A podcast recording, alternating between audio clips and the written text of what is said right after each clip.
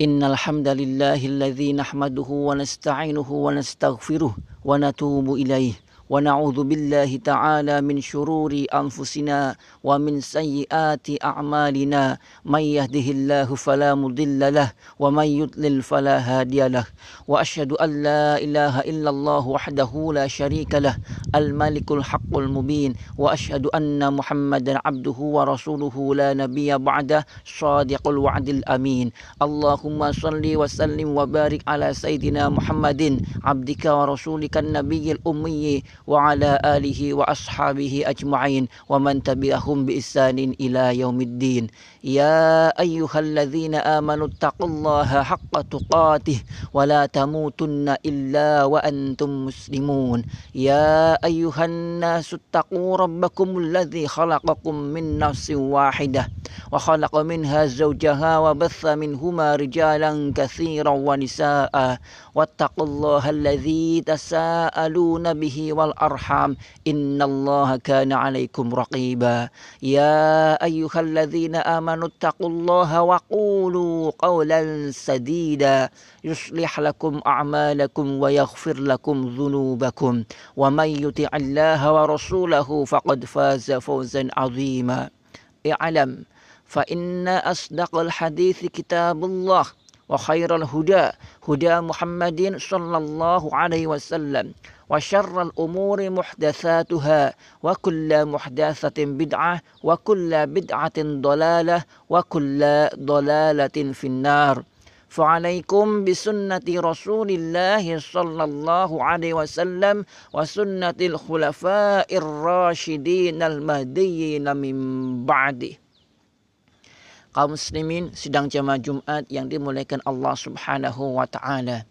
Sekali lagi mari kita senantiasa bersyukur atas segala nikmat dari Allah Subhanahu wa taala. Baik nikmat itu berupa rezeki, kesehatan, kesempatan, waktu luang, kehidupan dan sebesar-besar nikmat Allah Subhanahu wa taala, nikmat yang paling berharga, yang paling tinggi nilainya dari Allah Subhanahu wa taala yang tidaklah itu diberikan melainkan kepada hamba yang dipilih oleh Allah Subhanahu wa taala, yakni al-iman. Alhamdulillah Allah menjadikan diri kita masih sebagai hamba Allah Subhanahu wa taala yang beriman kepada Allah, beriman kepada kitabullah, beriman kepada Rasulullah, beriman kepada hal-hal yang gaib dan seterusnya dan seterusnya. Kaum muslimin yang dimuliakan Allah Subhanahu wa taala. Selamat dan salam semoga senantiasa terlimpahkan, tercurahkan untuk junjungan kita, untuk teladan kita, untuk beliau Rasulullah Muhammad sallallahu alaihi wasallam.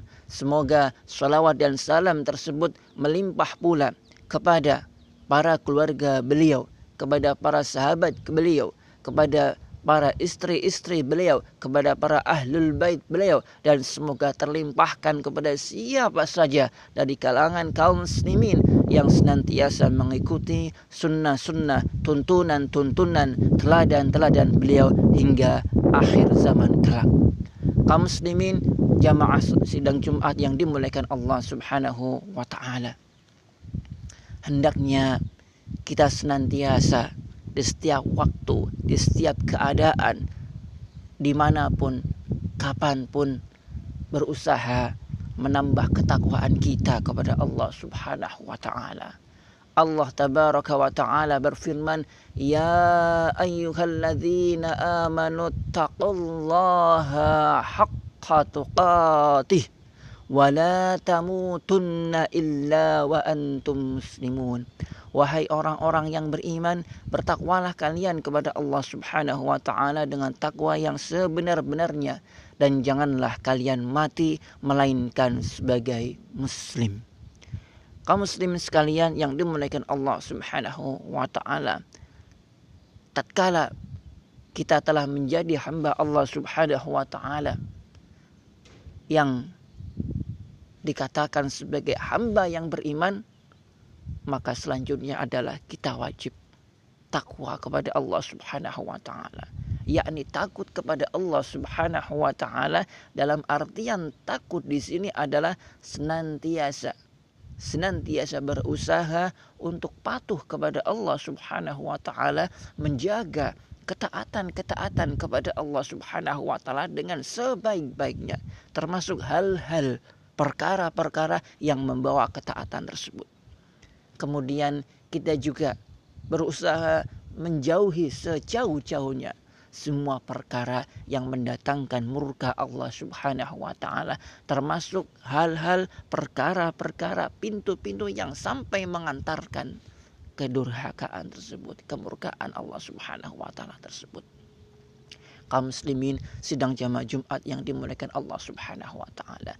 Tatkala takwa sudah menjadi kepribadian kita, sudah menjadi akhlak kita, maka dengan itu kita akan terjaga keimanan kita sehingga tidaklah kita menghadap Allah Subhanahu wa taala melainkan status kita adalah sebagai hamba yang berserah diri kepada Allah Subhanahu wa taala sebagai hamba Allah yang muslim.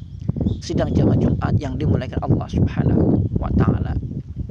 Di tengah musibah pandemi COVID-19 yang masih merajalela ini yang di antara kita ada yang mengambil sikap cuek bebek di antara kita ada yang terlalu berhati-hati di antara kita ada yang sangat takut sekali dan seterusnya dan seterusnya maka kita sebagai kaum muslimin hendaknya mengambil sikap yang pertengahan yakni jangan kemudian kita sampai cuek bebek kemudian menyombongkan dari ah covid itu bukan masalah saya sudah kebal dengan covid. Ataupun yang selanjutnya adalah yang sangat terlalu takut. Yakni terlalu takut kalau kemudian mati karena covid. Yang ini kemudian sampai sampai sampai berpikiran bahwasanya ajal seakan-akan hanya ditentukan oleh covid padahal kaum muslimin sekalian yang dimuliakan Allah Subhanahu wa taala kita semua baik karena covid ataupun bukan covid baik karena sakit ataupun bukan karena sakit, baik karena kecelakaan ataupun sebab-sebab yang lainnya, ajal itu pasti datang. Setiap hari, setiap pagi dan petang, bahkan setiap detik hakikatnya kita berlari menuju ajal kita.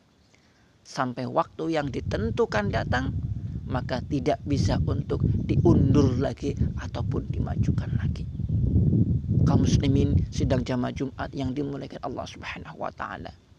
Khususnya untuk kita semua yang belum mendapatkan cobaan dari Allah Subhanahu wa taala maupun yang sedang dicoba oleh Allah Subhanahu wa taala ataupun pernah dicoba oleh Allah Subhanahu wa taala dengan musibah dan khususnya adalah rasa sakit maka kami nasihatkan. Ingatlah firman Allah Subhanahu wa taala di dalam surah Asy-Syu'ara ayat yang ke-80 yang merupakan dialog Nabi Ibrahim alaihi salatu wassalam dengan para penyembah berhala yakni tatkala Nabi Allah Ibrahim alaihissalatu wassalam kemudian menerangkan sifat Allah subhanahu wa ta'ala. Di antaranya adalah sebagaimana di ayat yang ke-80 wa idza maridtu fa huwa yashfin. Dan apabila aku sakit maka Allah subhanahu wa ta'ala yang menyembuhkan aku. Teman-teman semua sekalian yang dimuliakan Allah Subhanahu wa taala, jemaah Jumat yang dimuliakan Allah. Ini menunjukkan bahwasanya hakikatnya sakit datangnya itu dari Allah Subhanahu wa taala sakit datang dari Allah dan Allah Subhanahu wa taala yang akan mengangkat sakit tersebut menyembuhkannya. Baik itu dengan perantaraan obat maupun dengan perantaraan selain obat. Baik dengan obat-obatan herbal maupun dengan obat-obatan modern. Baik secara medis tradisional, semisal pijat, kerik, kerok, ataupun juga yang modern. Seperti misalnya adalah operasi, suntikan, dan seterusnya dan seterusnya. Baik itu preventif ataupun juga kuratif. Nah, kaum muslimin sedang jamaah Jumat yang dimuliakan Allah Subhanahu wa taala, karenanya pertama saat sakit harus kita yakini sakit adalah dari Allah dan Allah Subhanahu wa taala yang angkat mengangkatnya. Berapa banyak mereka yang sudah habis obat-obatan, habis aneka herbal, datang ke dokter, dokter spesialis dan seterusnya. Tetapi kemudian biiznillah sembuh hanya bersilaturahmi ke tempat temannya kemudian diberi kopi hangat akhirnya sembuh. Ini karena Allah Subhanahu wa taala yang memberikan kesembuhan, bukan kita yang menentukan, bukan dokter yang menentukan. Adapun adanya dokter, adanya obat, adanya herbal, adanya berbagai macam cara, metode menyembuhkan penyakit itu sesungguhnya adalah wasilah atau perantara saja. Terkadang cocok dan terkadang tidak pas. Kemudian kaum muslimin yang dimuliakan Allah Subhanahu wa taala. Yang kedua adalah hendaknya kita mengingat firman Allah Subhanahu wa taala sebagaimana di dalam di dalam surat Al-Isra ayat yang ke-82. Wa nunazzilu minal Qur'ani ma huwa shifaa'un wa rahmatun lil mu'minin dan kami maksudnya Allah Subhanahu wa taala menurunkan dari Al-Qur'an itu sebagai syifa dan rahmah lil mukminin bagi orang-orang yang beriman. Jadi Al-Qur'an itu merupakan syifa dan rahmah bagi orang-orang yang beriman. Karena apa? Kaum muslimin sekalian yang dimuliakan Allah Subhanahu wa taala, Al-Qur'an itu menyembuhkan dari sumber datangnya penyakit itu sendiri. Apa itu? Yakni dari kalbu, dari hati dan juga dari akal. Kaum muslimin sidang jamaah Jumat yang dimuliakan Allah Subhanahu wa taala. Jangankan sampai kandungan isinya bacaannya saja tatkala kita membacanya dengan baik, dengan benar, dengan tenang meskipun kita belum mengetahui maknanya, maka itu akan mendatangkan ketentraman hati. Dan ketentraman hati itu akan mendatangkan ketentraman jiwa, ketentraman akal, ketentraman ruh dan juga kesehatan bagi jasad kita. Karenanya kaum muslimin sekalian yang dimuliakan Allah Subhanahu wa taala. Saat sakit ingatlah Allah Subhanahu wa taala, ingatlah Al-Qur'an. Pun begitu juga seharusnya saat sehat teruslah tetap berinteraksi dengan Al-Qur'an. Tiap hari jadikan hari-hari kita senantiasa dibersamai Al-Qur'an. Jangan sampai satu hari pun kita melupakan Al-Qur'an Pagi sehabis beraktivitas usahakan yang pertama kali kita lakukan aktivitas kita adalah bacalah Al-Quran. Kemudian saat malam ketika kita hendak tidur, sebelum kita tidur, bacalah Al-Quran. Syukur-syukur kita senantiasa membawa mushaf saku yang mudah kita bawa di dalam tas kecil kita ataupun juga dibawa bisa dibawa di saku sehingga sewaktu-waktu kita ingin membaca, kita ingin murojaah, kita ingin menambah falan dan, dan seterusnya, maka ini akan akan sangat mudah. Kaum muslimin sidang, sidang jamaah Jumat yang dimuliakan Allah Subhanahu wa taala. Yakinlah kepada Allah Subhanahu wa taala bahwasanya Allah yang menurunkan sakit, maka Allah yang mengangkat sakit dan penyakit tersebut, Allah pula yang akan menyembuhkannya. Kemudian kaum muslimin yang dimuliakan Allah Subhanahu wa taala. Adapun kalau kemudian qadarullah misalnya kita sudah berusaha semaksimal mungkin sudah terapi, sudah berobat, sudah mendatangi berbagai dokter, sudah membaca ayat-ayat ruqyah, sudah berobat ke ahli herbal, ahli alternatif dan seterusnya. Kok kemudian biiznillah tidak juga kunjung sembuh, bahkan kemudian meninggal atau wafat, maka sesungguhnya itu adalah takdir Allah Subhanahu wa taala. Dan kalau Allah Subhanahu wa taala sudah menentukan, maka tidak ada satu kekuatan pun yang akan mampu menghalangi, yang akan mampu membendungnya. Kaum muslimin sidang jamaah Jumat yang dimuliakan Allah Subhanahu wa taala. Akhirnya sebagai hamba Allah Subhanahu wa taala yang dhaif dan yang lemah ini maka marilah kita penuhi seruan firman seruan Allah Subhanahu wa taala untuk kita semua. Fafirru ilallah. Berlarilah kalian mendekat kepada Allah Subhanahu wa taala. Berlarilah kalian mendekat kepada Allah Subhanahu wa taala. Maksudnya apa? Segera kita memenuhi seruan Allah Subhanahu wa taala. Jadikan diri kita lebih dekat kepada Allah Subhanahu wa taala. Jangan kemudian tatkala kita sehat walafiat, bahagia, kita melupakan Allah. Pun tatkala kita sakit, kita malah kemudian mencari sesuatu selain Allah Subhanahu wa taala. Obat-obatan, pergi ke tukang sihir, pergi ke dukung, pergi ke paranormal, menggunakan barang-barang yang diharamkan, metode-metode yang tidak jelas secara medis juga tidak terbukti, secara agama juga dilarang dan seterusnya. Ini berarti pikirannya yang kacau jalannya juga kacau. Ini jalannya orang-orang kufar dan orang-orang yang yang mensyirikan, mensekutukan Allah Subhanahu wa taala. Nauzubillah min dzalik. Umat Islam harus menjauh dari jalan-jalan seperti ini. Kaum muslimin harus membenahi tauhidnya, membenahi manhajnya, membenahi akhlaknya, membenahi adabnya. Dan salah satu yang bisa kita lakukan sebagai hamba Allah Subhanahu wa taala sebagai umat Rasulullah sallallahu alaihi wasallam di antaranya adalah banyak berusaha menjadi sedekat-dekatnya dengan Nabi Muhammad sallallahu alaihi wasallam. Yang pertama adalah berusaha sebisa mungkin dan sebanyak mungkin menunaikan sunnah-sunnah, tuntunan-tuntunan, teladan-teladan beliau. Kemudian yang kedua, dengan segala keterbatasan kita untuk melaksanakan yang nomor satu, maka nomor dua ini perbanyaknya lah, perbanyaklah untuk membaca sholawat kepada bangkit baginda Rasulullah Muhammad Sallallahu Alaihi Wasallam sebanyak-banyaknya tanpa batas. Jika memungkinkan 100 kali, jika memungkinkan yang lebih dari itu, 500 kali, 1000 kali, 2000 kali, bahkan lebih dari itu pun, itu suatu yang sangat luar biasa.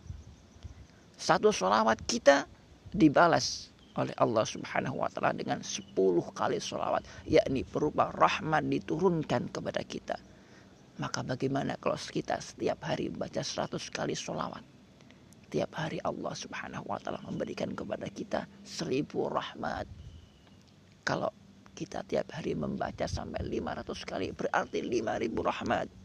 Kalau kita membaca 1000 kali berarti 10.000 kali rahmat setiap hari Allah Subhanahu wa taala berikan kepada kita semua. Maka tentu saja alangkah bahagianya kita kalau tiap hari kita mendapatkan rahmat dari Allah Subhanahu wa taala. Barakallahu li wa lakum fil Qur'anil azim. ونفعني وإياكم بما فيه من الآية والذكر الحكيم. وتقبل مني ومنكم تلاوته. إنه هو السميع العليم. رب اغفر وارحم وأنت خير الراحمين. الحمد لله رب العالمين. وبه نستعين على أمور الدنيا والدين. اللهم صل وسلم على سيدنا محمد وعلى آله وأصحابه أجمعين ومن تبعهم بإحسان إلى يوم الدين يا أيها الذين آمنوا اتقوا الله ولتنظر نفس ما قدمت لغد واتقوا الله إن الله خبير بما تعملون kaum muslimin sidang jamaah Jumat yang dimuliakan Allah Subhanahu wa taala. Sekali lagi, mari kita tingkatkan ketakwaan kita kepada Allah Subhanahu wa taala. Dan cara terbaik dalam kita meningkatkan takwa kepada Allah Subhanahu wa taala adalah kita berusaha untuk meneladani baginda Rasulullah Muhammad sallallahu alaihi wasallam meneladani para sahabat-sahabat beliau sallallahu alaihi wasallam, meneladani para ulama salafus saleh, para tabi'in, tabi'ut tabi'in hingga para ulama masa mutakaddimin maupun mutaakhirin sampai masa muasyirin kita pada saat ini. Nah, kaum muslimin sekalian yang dimuliakan Allah Subhanahu wa taala. Menguatkan apa yang sudah kita sampaikan di khutbah yang pertama, mari dalam keadaan apa pun, di mana pun kita berada, hendaknya kita senantiasa menjadi hamba yang ingat Allah Subhanahu wa taala Iya, saat sehat ingatlah Allah, saat sakit ingatlah Allah. Saat mendapatkan rezeki melimpah, ingatlah Allah. Saat keadaan sempit, ingatlah Allah. Saat mempunyai hutang, ingatlah Allah. Saat memiliki kebutuhan, ingatlah Allah Subhanahu wa taala. Saat dipermudah, ingatlah Allah. Saat ada kesulitan, ingatlah Allah Subhanahu wa taala.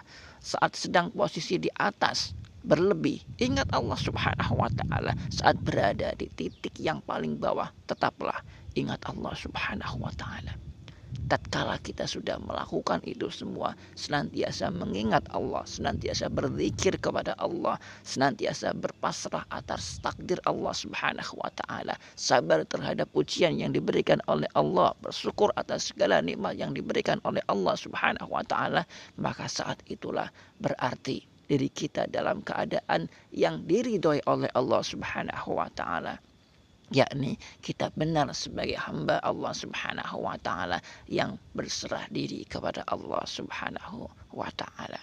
Pun begitu juga tatkala kemudian kita dihadapkan pada berbagai macam perkara yang diingat adalah Allah Subhanahu wa taala. Tatkala ada perkara-perkara yang itu tidak diridhoi oleh Allah Subhanahu wa taala, maka ingatlah Allah tidak ridho dengan hal ini, maka ini tidak layak untuk aku kerjakan Allah tidak ridho dengan hal ini, maka ini selayaknya tidak boleh dilaksanakan. Kemudian kaum muslimin sedang jamaah Jumat yang dimulaikan Allah Subhanahu wa taala. Kami nasihatkan juga kepada siapa pun yang mendapatkan amanah kekuasaan, mendapatkan amanah sebagai aparat, yang mendapatkan amanah yang duduk di kepemerintahan atau yang serupa dengan itu. Hendaknya senantiasa menjadikan para ulama yang lurus itu sebagai salah satu pemandu yang akan menghantarkan kepada kepada kebaikan baik kebaikan di dunia maupun kebaikan di akhirat karena hanya ulama yang luruslah yang mereka akan benar-benar membimbing umat membimbing umara untuk menjalankan kepemerintahan dan kekuasaan dengan sebaik-baiknya sebagaimana rel yang sesuai dengan Al-Qur'an dan sunnah Nabi Muhammad sallallahu alaihi wasallam. Dan tatkala kemudian itu terlaksana, maka bukanlah suatu yang mustahil jika negeri kita, bangsa kita, negara kesatuan Republik Indonesia ini menjadi baldatun tayyibatun warabbun khafur. Akan tetapi bila yang terjadi adalah sebaliknya, aparat, penguasa, pemerintah menjalankan kekuasaan dan pemerintahannya dengan sewenang-wenang sakarpe dewe banyak berlaku zalim dalam menegakkan hukum masih tebang pilih ke atas tumpul ke bawah tajam ke para hartawan dan bangsawan pilah pilih Sedangkan kepada rakyat jelata dibuat sekejam mungkin, sekeras mungkin. Sampai memeras darah dan keringat mereka. Maka ingatlah Allah. Allah Al-Jabbar Al-Qahar Al-Muntaqim. Yang akan membalas kezaliman Anda. Yang akan membalas kesewenang-wenangan Anda. Di dunia maupun di akhirat dan di akhirat kalian akan dituntut oleh rakyat yang Anda pimpin. Kalau Anda memimpin rakyat di satu kabupaten, Anda akan dituntut oleh ribuan warga Anda. Kalau Anda memimpin rakyat di satu provinsi, Anda akan dituntut puluhan juta warga Anda. Kalau Anda memimpin satu negeri, satu negara yang luas maka ratusan juta rakyat Anda akan memimpin Anda, akan meminta pertanggungjawaban Anda kelak di hadapan Allah Subhanahu wa taala. Dan Anda sekali lagi tidak bisa berlindung di balik siapa pun. Kalau sekarang masih memiliki aparat, sekarang masih memiliki penasehat, sekarang masih memiliki taipan, sekarang masih memiliki cukong, sekarang masih memiliki hal-hal yang lainnya yang Anda dapat berlindung, maka kelak di hadapan Allah Subhanahu wa taala Anda sudah face to face terhadap rakyat Anda. Anda sudah face to face dengan yang Anda pimpin. Karenanya kaum muslimin sekalian yang dimuliakan Allah Subhanahu wa taala. Mari kita jalankan semua amanat yang diberikan oleh Allah Subhanahu wa taala dengan sebaik-baiknya dengan seadil-adilnya, dengan sebaik-baiknya. Sehingga tatkala kemudian Allah Subhanahu wa taala memanggil kita, amanah tersebut tidak disia-siakan sehingga di akhirat kelak kita sudah selesai urusan kita. Allah menjadikan diri kita tenang di barzah, tenang di kubur dan juga tenang di akhirat karena sudah terlepas dari tuntutan kita dan yang pemimpin sudah terlepas dari tuntutan atas rakyatnya. Masya Allah, itulah yang sangat kita harapkan. Mari kita berdoa, bermunajat kepada Allah Subhanahu wa taala, semoga semoga cita-cita kita, hajat-hajat kita dikabulkan oleh Allah Subhanahu wa taala. Baik itu untuk kita, untuk keluarga kita, untuk orang-orang tercinta kita, terlebih lagi adalah ayah dan ibu kita untuk anak-anak kita, untuk kerabat-kerabat kita, juga saudara-saudara kita sebangsa dan setanah air, serta kaum muslimin di mana pun mereka berada.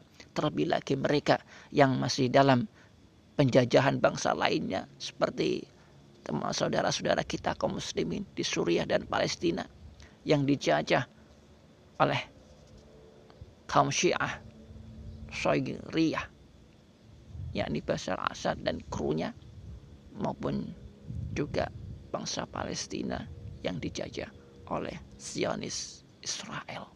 Na'udzubillah min dhalik. Semoga Allah membinasakan mereka. Inna Allah wa malaikatahu yusalluna ala nabi Ya ayyuhalladzina amanu sallu alaihi wa sallimu taslima Allahumma salli ala Sayyidina Muhammad wa ala ali Sayyidina Muhammad كما صليت على سيدنا إبراهيم وعلى آل سيدنا إبراهيم وبارك على سيدنا محمد وعلى آل سيدنا محمد. كما باركت على سيدنا إبراهيم وعلى آل سيدنا إبراهيم في العالمين إنك حميد مجيد. الحمد لله رب العالمين. حمدا يوافي نعمه ويكافئ مزيده. يا ربنا ولك الحمد كما ينبغي لجلال وجهك الكريم وعظيم سلطانك. اللهم اغفر لنا ذنوبنا ولوالدينا وارحمهما كما ربيانا صغارا. اللهم اغفر للمسلمين والمسلمات والمؤمنين والمؤمنات الأحياء منهم والأموات إنك سميع قريب مجيب الدعوات. ويا قاضي الحاجات. ويا خير الناصرين برحمتك يا أرحم الراحمين. اللهم ربنا اغفر لنا ولإخواننا الذين سبقونا بالإيمان ولا تجعل في قلوبنا غلا للذين آمنوا. ربنا إنك رؤوف رحيم. يا حي يا قيوم يا ذا الجلال والإكرام. اللهم إنا نسألك علما نافعا ورزقا طيبا وعملا متقبلا. اللهم إنا نسألك التقى والهدى والعفاف والغنى. اللهم إنا نعوذ بك من جهد البلاء ودرك الشقاء وسوء القضاء وسماتة الأعداء. اللهم إنا نعوذ بك من الهم والهزن ونعوذ بك من الغدز والكسل ونعوذ بك من الجبن والبخل ونعوذ بك من غلبة الدين وقهر الرجال. اللهم اغفر لأمة سيدنا محمد اللهم ارحم أمة سيدنا محمد اللهم أصلح أمة سيدنا محمد اللهم ألف قلوب أمة سيدنا محمد. اللهم فرج عن أمة سيدنا محمد. يا أرحم الراحمين يا أرحم الراحمين يا أرحم الراحمين. فرج عنا والمسلمين برحمتك يا أرحم الراحمين. اللهم قوي الإسلام والمسلمين والمجاهدين. اللهم أعز الإسلام والمسلمين والمجاهدين. اللهم انصر الإسلام والمسلمين والمجاهدين. في بلدنا إندونيسيا خاصة. في بلدان, المسلمين عامة. وفي الشام وفي سوريا وفي فلسطين وفي تركيا وفي مصر وفي الحرمين وفي الحجاز وفي اليمن. وفي كل مكان وفي كل زمان وفي كل وقت وحين برحمتك يا أرحم الراحمين. ربنا آتنا من لدنك رحمة وهيئ لنا من أمرنا رشدا. ربنا هب لنا من أزواجنا وذرياتنا قرة أعين واجعلنا للمتقين إماما. اللهم اجعل لنا ولأولادنا وذرياتنا وأهلنا من أهل العلم والخير ولا تجعلنا وإياهم من أهل الشر والضير.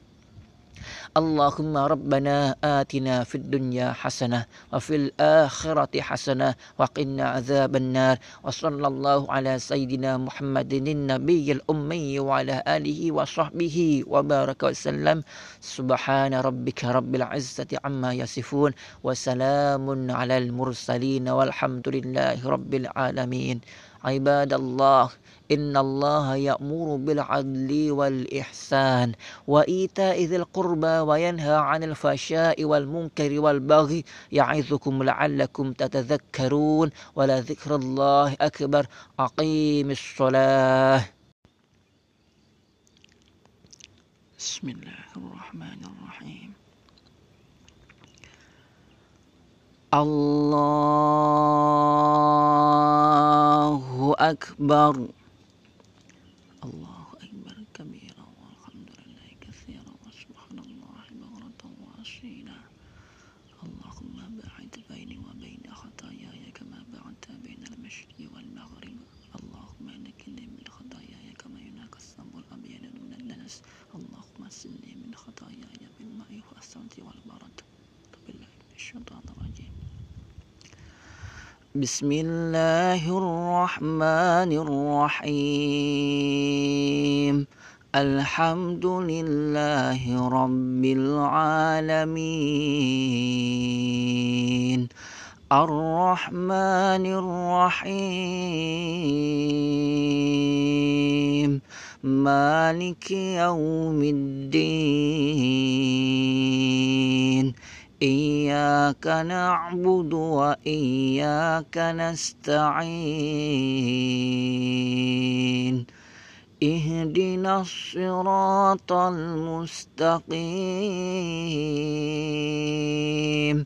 صراط الذين أنعمت عليهم غير المغضوب عليهم ولا الضالين.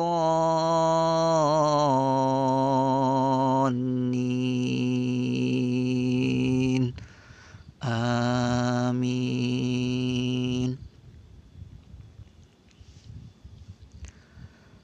بسم الله الرحمن الرحيم.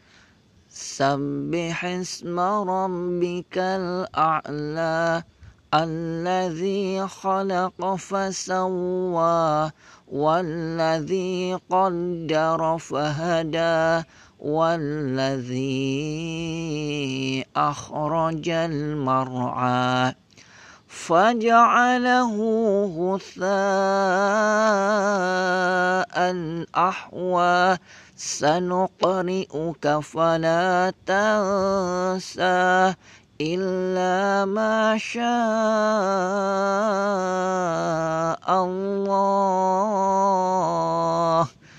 إنه يعلم الجهر وما يخفى ونيسرك لليسرى. فذكر إن نفعت الذكرى.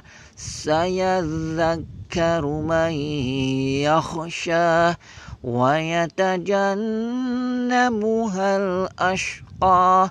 الذي يصلى النار الكبرى. ثم لا يموت فيها ولا يحيا. قد أفلح من تزكى وذكر اسم ربه فصلى بل تؤثرون الحياة الدنيا والآخرة خير وأبقى إن هذا لفي الصحف الأولى صحف إبراهيم وموسى. الله أكبر.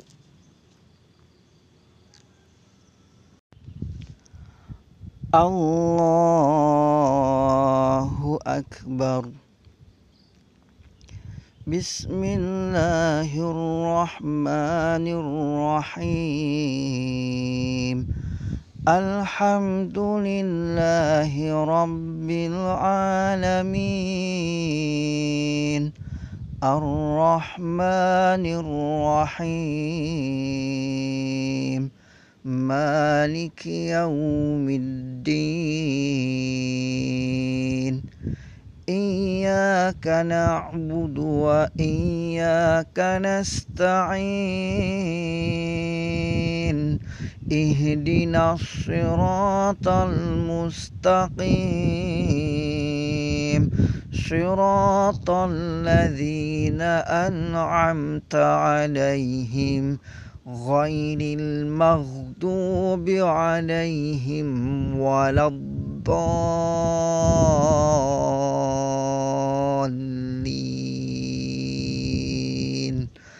آمين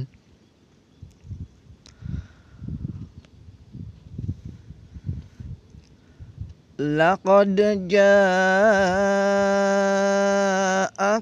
رسول من أنفسكم عزيز عليه ما عنتم حريص عليه ما عنتم أنتم حريص عليكم بالمؤمنين رؤوف رحيم. فإن تولوا فقل حسبي الله. حسبي الله لا إله إلا هو عليه توكلت وهو رب العرش العظيم.